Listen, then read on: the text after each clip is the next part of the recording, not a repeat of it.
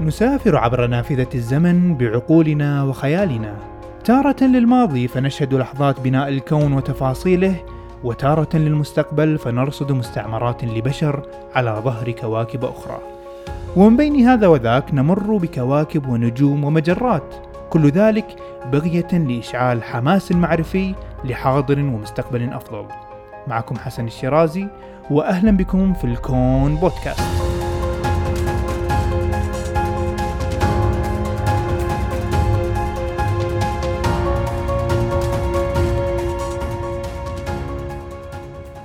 السلام عليكم. في الحلقة قبل الماضية بدأنا سلسلة البحث عن المخلوقات الخارجية وشرحنا التطور التاريخي والعلمي لهذه المسألة. وفي حلقة اليوم نستكمل البحث وسنخوض في واحدة من أكثر المحاولات المنطقية لتحديد وتقنين أعداد الحضارات أو المخلوقات الخارجية في مجرتنا درب التبانة. وهي محاولة البحث من خلال معادلة دريك الشهيرة جدا. حيث سنحلل عناصرها الرئيسية واحدة تلو الأخرى لكي نستوعبها ونعرف مدى صعوبة أو سهولة التوقع في وجود مثل هذه المخلوقات. وقبل ذلك أنوه بأن هذه الحلقة من البودكاست تأتيكم برعاية من مؤسسة الكويت للتقدم العلمي. مؤسسة الكويت لديها العديد من البرامج والكتب العلمية الشيقة والمناسبة لجميع الأعمار وجميع التخصصات. تابعوهم واختاروا ما يناسبكم. ومن الإصدارات الفلكية مجلة سكاي أت نايت العريقة والجميلة في مجال الفلك حيث تم ترجمتها إلى اللغة العربية ببراعة وجودة عالية جدا. أنصح الجميع باقتنائها. تسجيل هذه الحلقة ربما يكون أصعب تسجيل مر علي بسبب إصابتي بفيروس الكورونا. ولله الحمد تشافيت من كل الأعراض وعدت الأمور على خير. ولكن ربما شوي الصوت يكون متغير ولدي صعوبة بسيطة بالتنفس وضبط مخارج بعض الحروف والكلمات فسامحوني عليها. وأما الآن فهيا بنا نحاول مع العالم دريك بتحليل معادلة المخلوقات والحياة الذكية خارج الكرة الأرضية.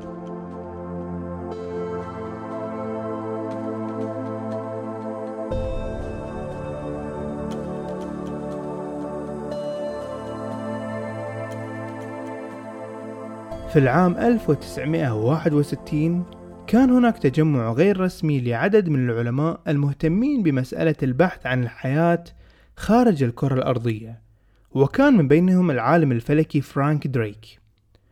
وفي ذلك الاجتماع اقترح دريك معادلة من شأنها التنبؤ بعدد الحضارات الذكية الموجودة في مجرة درب التبانة. كان الاقتراح في ذلك الوقت صادم وجريء ولكنه مهم جدا لتجزيء اللامعلوم. أو مسألة كبيرة جدا مجهولة مثل وجود مخلوقات خارجية من عدمها وتقسيمها إلى مجموعة من العوامل الصغيرة التي بمتناولنا نوعا ما تحليلها وتفكيكها للخروج بأفضل النتائج المنطقية الممكنة. المعادلة كتبتها في وصف الحلقة يمكنك قراءتها الآن حتى نفكك كل عامل على حدة. فالحرف N يرمز إلى عدد الحضارات الموجودة والقادرة على التواصل معنا وهي المجهول في المعادلة والمراد الوصول له. بعد ذلك نأتي إلى مجموعة من العوامل المضروبة ببعضها البعض والتي من المفترض أن تأتينا بحقيقة وجود المخلوقات الخارجية من عدمها. فأول حرف R يرمز إلى معدل ولادة النجوم في مجرتنا. ثم يأتي FP هي نسبة النجوم في مجرتنا التي تحتوي على كواكب. يعني نأتي برقم متوقع لمجموع النجوم في مجرتنا التي تحتوي على كواكب ونقسمها على عدد النجوم الكلي في مجرة درب التبانة فنخرج بنسبة وهي التي تعبر عنها بالحرف P. ثم نأتي إلى NE هي عدد الكواكب القابلة لتكوين الحياة لكل نجم. ثم FL وهي النسبة من هذه الكواكب القادرة على تطوير صور من الحياة فيها. ثم اي وهي نسبة هذه الكواكب من تطوير حياة ذكية الآن وليست مجرد حياة وهذه تقريبا من أصعب النسب كما سنعرف لاحقا. ثم نأتي إلى سي نسبة هذه الكواكب التي بها حياة ذكية واستطاعت تطوير وسائل تكنولوجية قادرة على التقاط إشارتنا ورد الإشارة مرة أخرى إلينا. وأخيرا حرف ال وهي متوسط الفترة لبقاء حضارة ما قبل أن تندثر. كل هذه العوامل نضربها ببعض ونخرج برقم يمثل عدد الحضارات الموجودة حاليا في مجرة درب التبانة. ومع مرور الوقت من فترة اقتراح دريك لهذه المعادلة تم التحديث عليها عدة مرات من قبل منظمين مؤسسة سيتي التي ذكرناها في الحلقة قبل الماضية ولكن بشكل عام تدور حول نفس الفكرة. فمثلا حرف ال FC دريك ذكر بأنها نسبة الكواكب التي بها حياة ذكية واستطاعت تطوير وسائل تكنولوجية قادرة على التقاط إشارتنا ورد الإشارة إلينا مرة أخرى. فالتحديث الأخير الذي طرأ عليها هو تعريفها من جديد إلى نسبة الحضارات في الكواكب والتي قادرة على إرسال إشارات قابلة للكشف عنها في كوكب الأرض. فالفكرة واحدة تقريبا ولكن يتم تحسين التعريف ليكون أدق في كل مرة.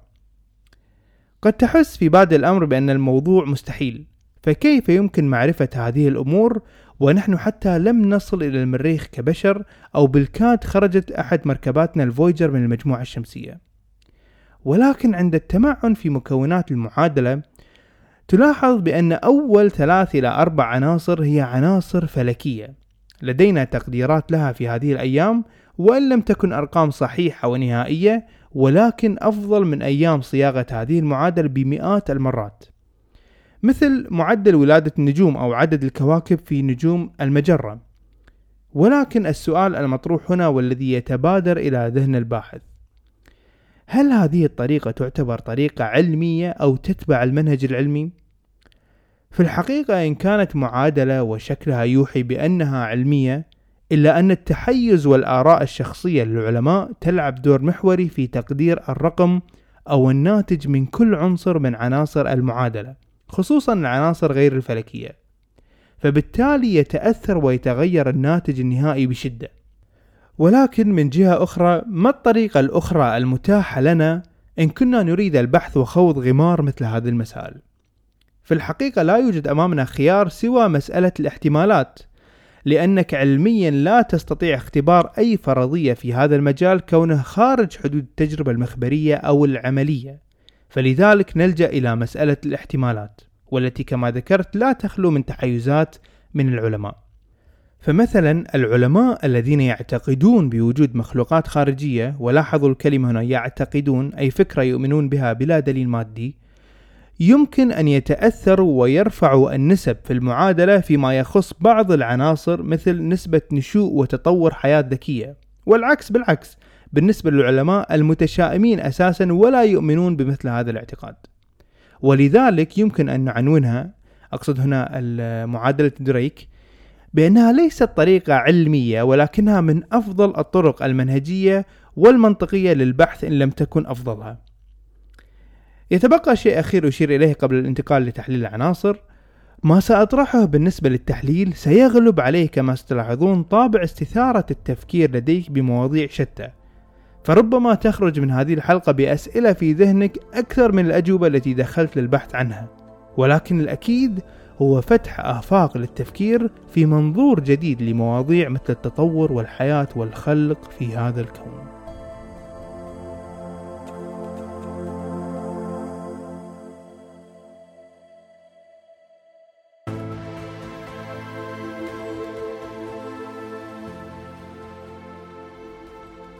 بداية تحليلنا لعناصر المعادلة سيكون مع العناصر الفلكية بشكل عام ثم ننتقل للتطور والتكنولوجيا في الحضارات.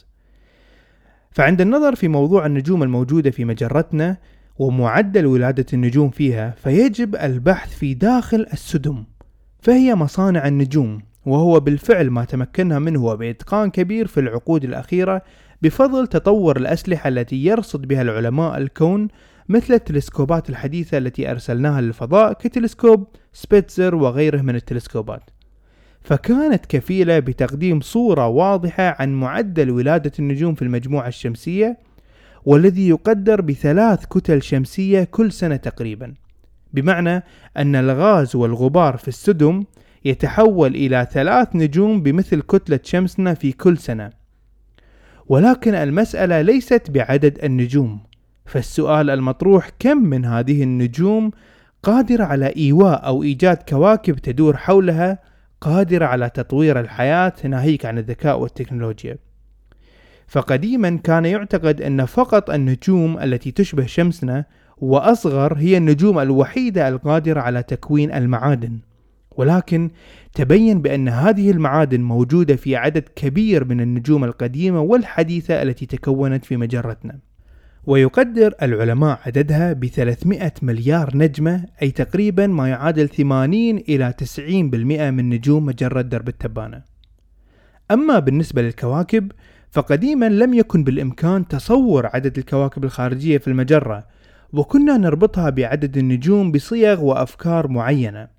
ولكن في عام 1991 اكتشف فلكيون بشكل غير مباشر دوران أجسام حول جسم نيوتروني وبعدها بثلاث سنين عام 1994 عثر العلماء على دلائل تشير لأول كوكب خارجي يتم اكتشافه. وتطورت هذه الاكتشافات يوما بعد يوم حول جميع أنواع النجوم الصغيرة والكبيرة في مجرتنا إلى هذا اليوم. فلدينا تلسكوبات وبرامج فضائية تعمل ليل نهار لتصوير هذه الكواكب والتي حتى هذه اللحظة يطوف عددها المؤكد منها أربعة آلاف كوكب تم رصدهم وتصويرهم وبعضها قريب الشبه بالأرض من حيث الحجم وأخرى عملاقة مثل زحل وغيرها من الأنواع والألوان لهذه الكواكب. وبالتالي نرى ونستطيع أن نستنتج بأن مسألة الكواكب استطعنا تقنينها وبأن هذا العنصر في معادلة دريك يمكن أن يتقنن ويصبح دقيق أكثر وأكثر في المستقبل. ولكن في الأعوام الأخيرة وبفضل رحلات فضائية لمركبات مثل كاسيني والفويجر وغيرها تبين بأن ليست فقط الكواكب هي الأجرام الوحيدة التي قد تنشأ الحياة فيها فلدينا الأقمار. نعم أقمار الكواكب العملاقة ممكن أن تتوافر فيها الظروف المناسبة لنشوء الحياة. بعض هذه الأقمار يكون كبير لدرجة أن باطن هذا القمر قادر على توليد حرارة داخلية قادرة على إسناد تطور الحياة البيولوجية فيها. فحسبك النظر في المجموعة الشمسية فقط ستجد مجموعة مميزة من الأقمار مثل يوروبا قمر المشتري العملاق. فنحن موعودين مع استكشافات كبيرة مع هذا القمر خصوصا بعد إعلان ناسا عن رحلة استكشافية خاصة عام 2025 وبشكل شخصي أنا أحب مواصفات هذا القمر وأعتقد بأن في باطنه وفي أسفل صفائح الجليد التي تغطي سطحه الكثير والكثير من المفاجآت التي تنتظر الاستكشاف. وهناك كذلك أقمار مميزة أخرى مثل إنسيليدوس أحد أقمار زحل وغيرها من الأقمار التي يعتقد فعلا فيها إمكانية لوجود الحياة فيها ولو كانت ميكروبية الشكل. وقد سبق أن عملت حلقتين تغطي أهم أقمار المجموعة الشمسية. نرجع إلى موضوعنا ومعادلة دريك ونراجع عنصر أو عامل الكواكب القابلة للحياة فيها. فنرى الآن بأن دائرة البحث اتسعت جدا بانضمام الأقمار إلى جانب الكواكب وهو ما يعزز أكثر فرصة وجود الحياة خارج الكرة الأرضية. وقبل أن ننهي العناصر المرتبطة بالفلك في معادلة دريك أريد أن أشرح لكم وأبسط مفهوم مهم جدا في علوم الفلك وهو منطقة الحياة في الفضاء. أو المنطقة الذهبية أو كما تسمى بالإنجليزية ال Goldilocks zone وكذلك تسمى habitable zone وهي المنطقة التي تسمح فيها أن ينشأ ويوجد الماء فيها بصورته السائلة على سطح الجرم سواء كان قمر أو كوكب. فهذه المنطقة بالدرجة الأولى تعتمد على حرارة النجم. سنعطي الآن مثال يقرب المعنى. لنتخيل بأن تصنيف النجوم حسب حرارتها هم فقط ثلاث نجوم. نجوم حارة ونجوم متوسطة الحرارة مثل شمسنا ونجوم باردة. طبعا باردة برودة نسبية بالمقارنة مع باقي النجوم. مع العلم بأن تصنيف النجوم يتجاوز الست تصنيفات حسب حرارتها وأقلها حرارة هي 2400 درجة سيليزية. ولكن للتسهيل لنقل أنها فقط ثلاث تصنيفات حارة ومتوسطة وباردة. لنبدأ المثال على مجموعتنا الشمسية. فإن منطقة الحياة فيها تبتدئ تقريبا من مدار فلك الأرض وتمتد إلى مدار فلك المريخ. هذه المنطقة بما تحويه من أجرام وكواكب وأقمار قابلة بأن يتوفر فيها الماء بصورة سائلة. وكل ذلك على أساس حرارة الشمس. الآن إذا استبدلنا شمسنا بنجم حار أكثر من شمسنا فتصبح منطقة الحياة أبعد من مدار الأرض والمريخ مثلا ممكن تكون بين مدار زحل والمشتري. لأن النجم حار أكثر فسوف يعمل على تبخير كل المياه السائلة القريبة منه. وإذا أبدلنا شمسنا بنجم بارد نسبيا بدلا عنها فستكون منطقة الحياة واقعة بين مدار كوكب عطارد ومدار الزهرة. وما بعد هذين المدارين سيتجمد ولن يكون الماء بالحالة السائلة. طبعا هذا لتقريب الصورة والمعنى فكل شيء يعتمد على حرارة النجم وهو الذي يحدد بشكل كبير صغر وكبر هذه المنطقة ولذلك في الأرض نحن ننعم بنعمة النعم وهي وجودنا في هذه المنطقة التي تسمح بوجود الماء فيها بالصورة السائلة. وأهمية الماء بالصورة السائلة ترجع لتفرده في خصائص دعم الوظائف البيولوجية فلا يمكن أن يوجد مركب آخر في الأرض قادر على الإحلال محل هذا السائل العظيم. وعندما أمر في موضوع الخلية واعتمادها على الماء بالإضافة لموضوع منطقة الحياة في الفضاء دائما استحضر الآية الكريمة وجعلنا من الماء كل شيء حي فهو أساس كل الحياة في كوكب الأرض ولكن الركون إلى البحث عن الماء كدليل وحيد على وجود الحياة في الخارج قد يوقعنا في مشكلة سأتعرض لها بعد قليل عند النقاش عن عنصر الحياة في معادلة دريك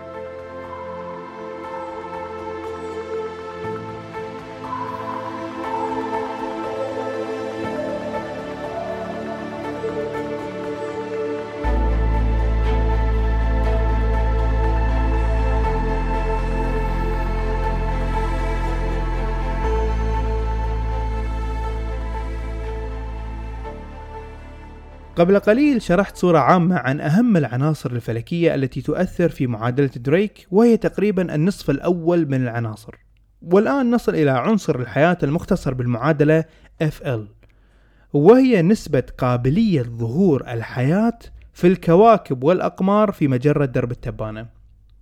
طبعا مثل ما ذكرت لك في أول الحلقة راح نستعرض كل الآراء لتوسيع المدارك ولا توجد أجوبة قطعية في هذا البحث وما بعده من عناصر المعادلة.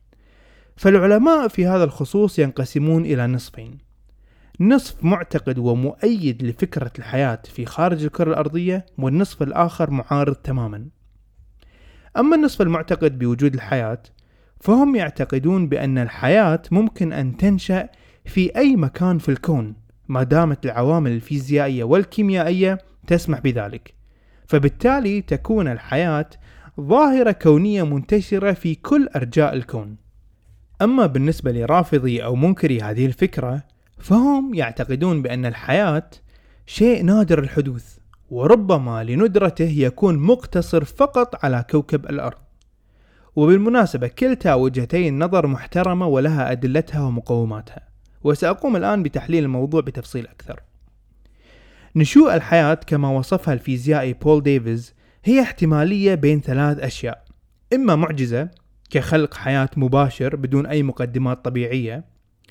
وإما أن الخلق هو حدث عارض بمعنى أن حدث الخلق احتماليته مقاربة للصفر وهو من النوادر جدا أو الاحتمال الثالث للخلق الاحتمال الكوبرنيكوني نسبة إلى نيكولاس كوبرنيكوس. وهي أن الأرض تشغل مكان عادي جدا في الفضاء لا شيء يميزها ومع ذلك وجدت فيها الحياة.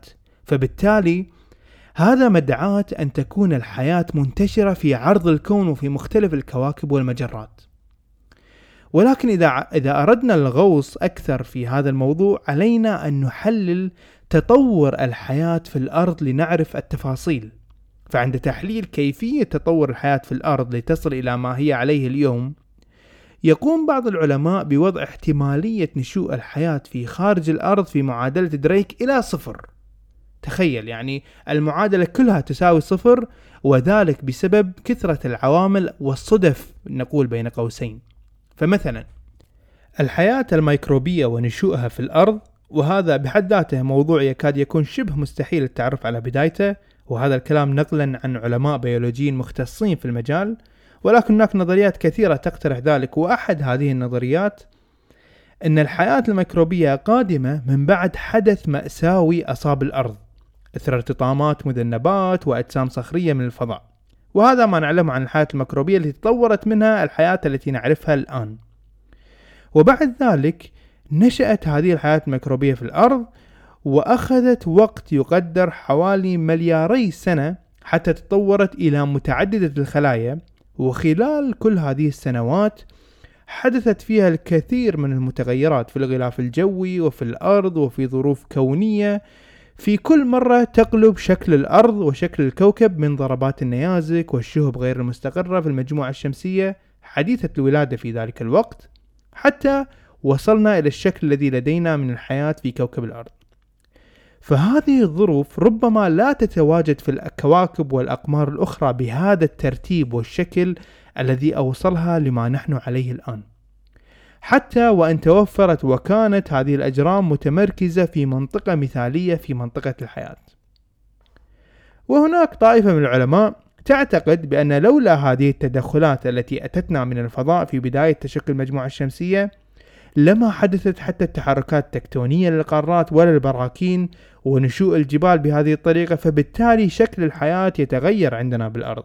مما يعني أن هذا العامل في المعادلة سيكون أصغر وأصغر بسبب كثرة المتغيرات الكبيرة والكثيرة التي لعبت دور في نمو الحياة في الأرض.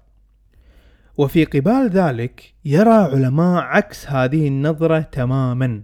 فصحيح أن تسلسل الأحداث قد لا يتكرر بهذا الشكل بمكان آخر في الكون.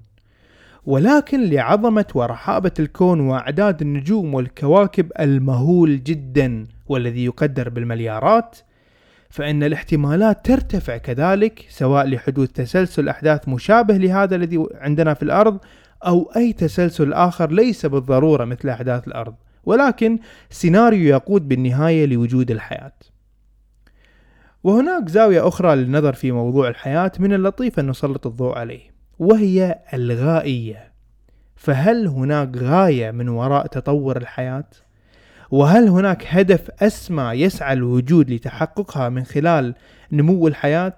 أم أنه تطور أعمى بمعنى تطور محايد فقط يتبع قوانين الطبيعة وهو أينما تأخذه المصادفة ذهب سواء مع بقاء الحياة أو ضدها والمفارقة فإن داروين مؤسس نظرية التطور قد اقترح شيء مشابه لهذا الطرح فقد قال بأن مبدأ الحياة في نهاية الأمر قد يتبين بأنه يتبع قانون عام مرسوم أي مسبق محدد التخطيط وغير عمياني.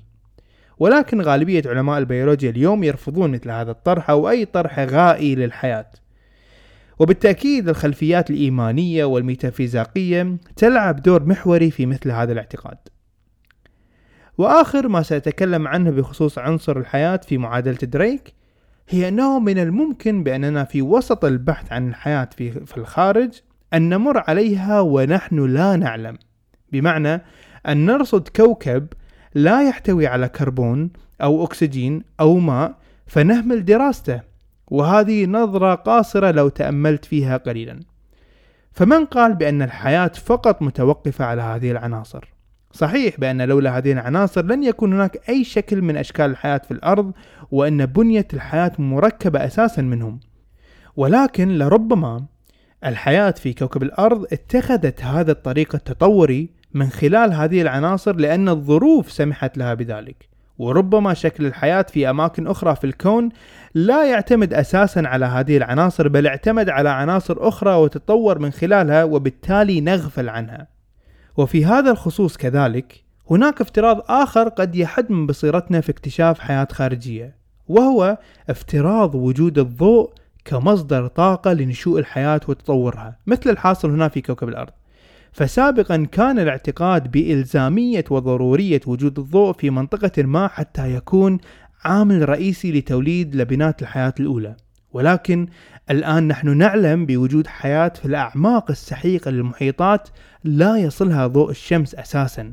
فهذه القدرة للمخلوقات على العيش قد توسع من دائرة الأجرام القابلة للحياة مرة أخرى. ولكن في ظل المسافات الكونية الشاسعة والبعد الكبير عنا لا نستطيع البحث عن هذه الحيوات بل فقط نكتشف ما يوجد على أسطح تلك الأجرام. على الأقل في ظل الظروف والتكنولوجيا والعصر الحالي الذي نعيش فيه.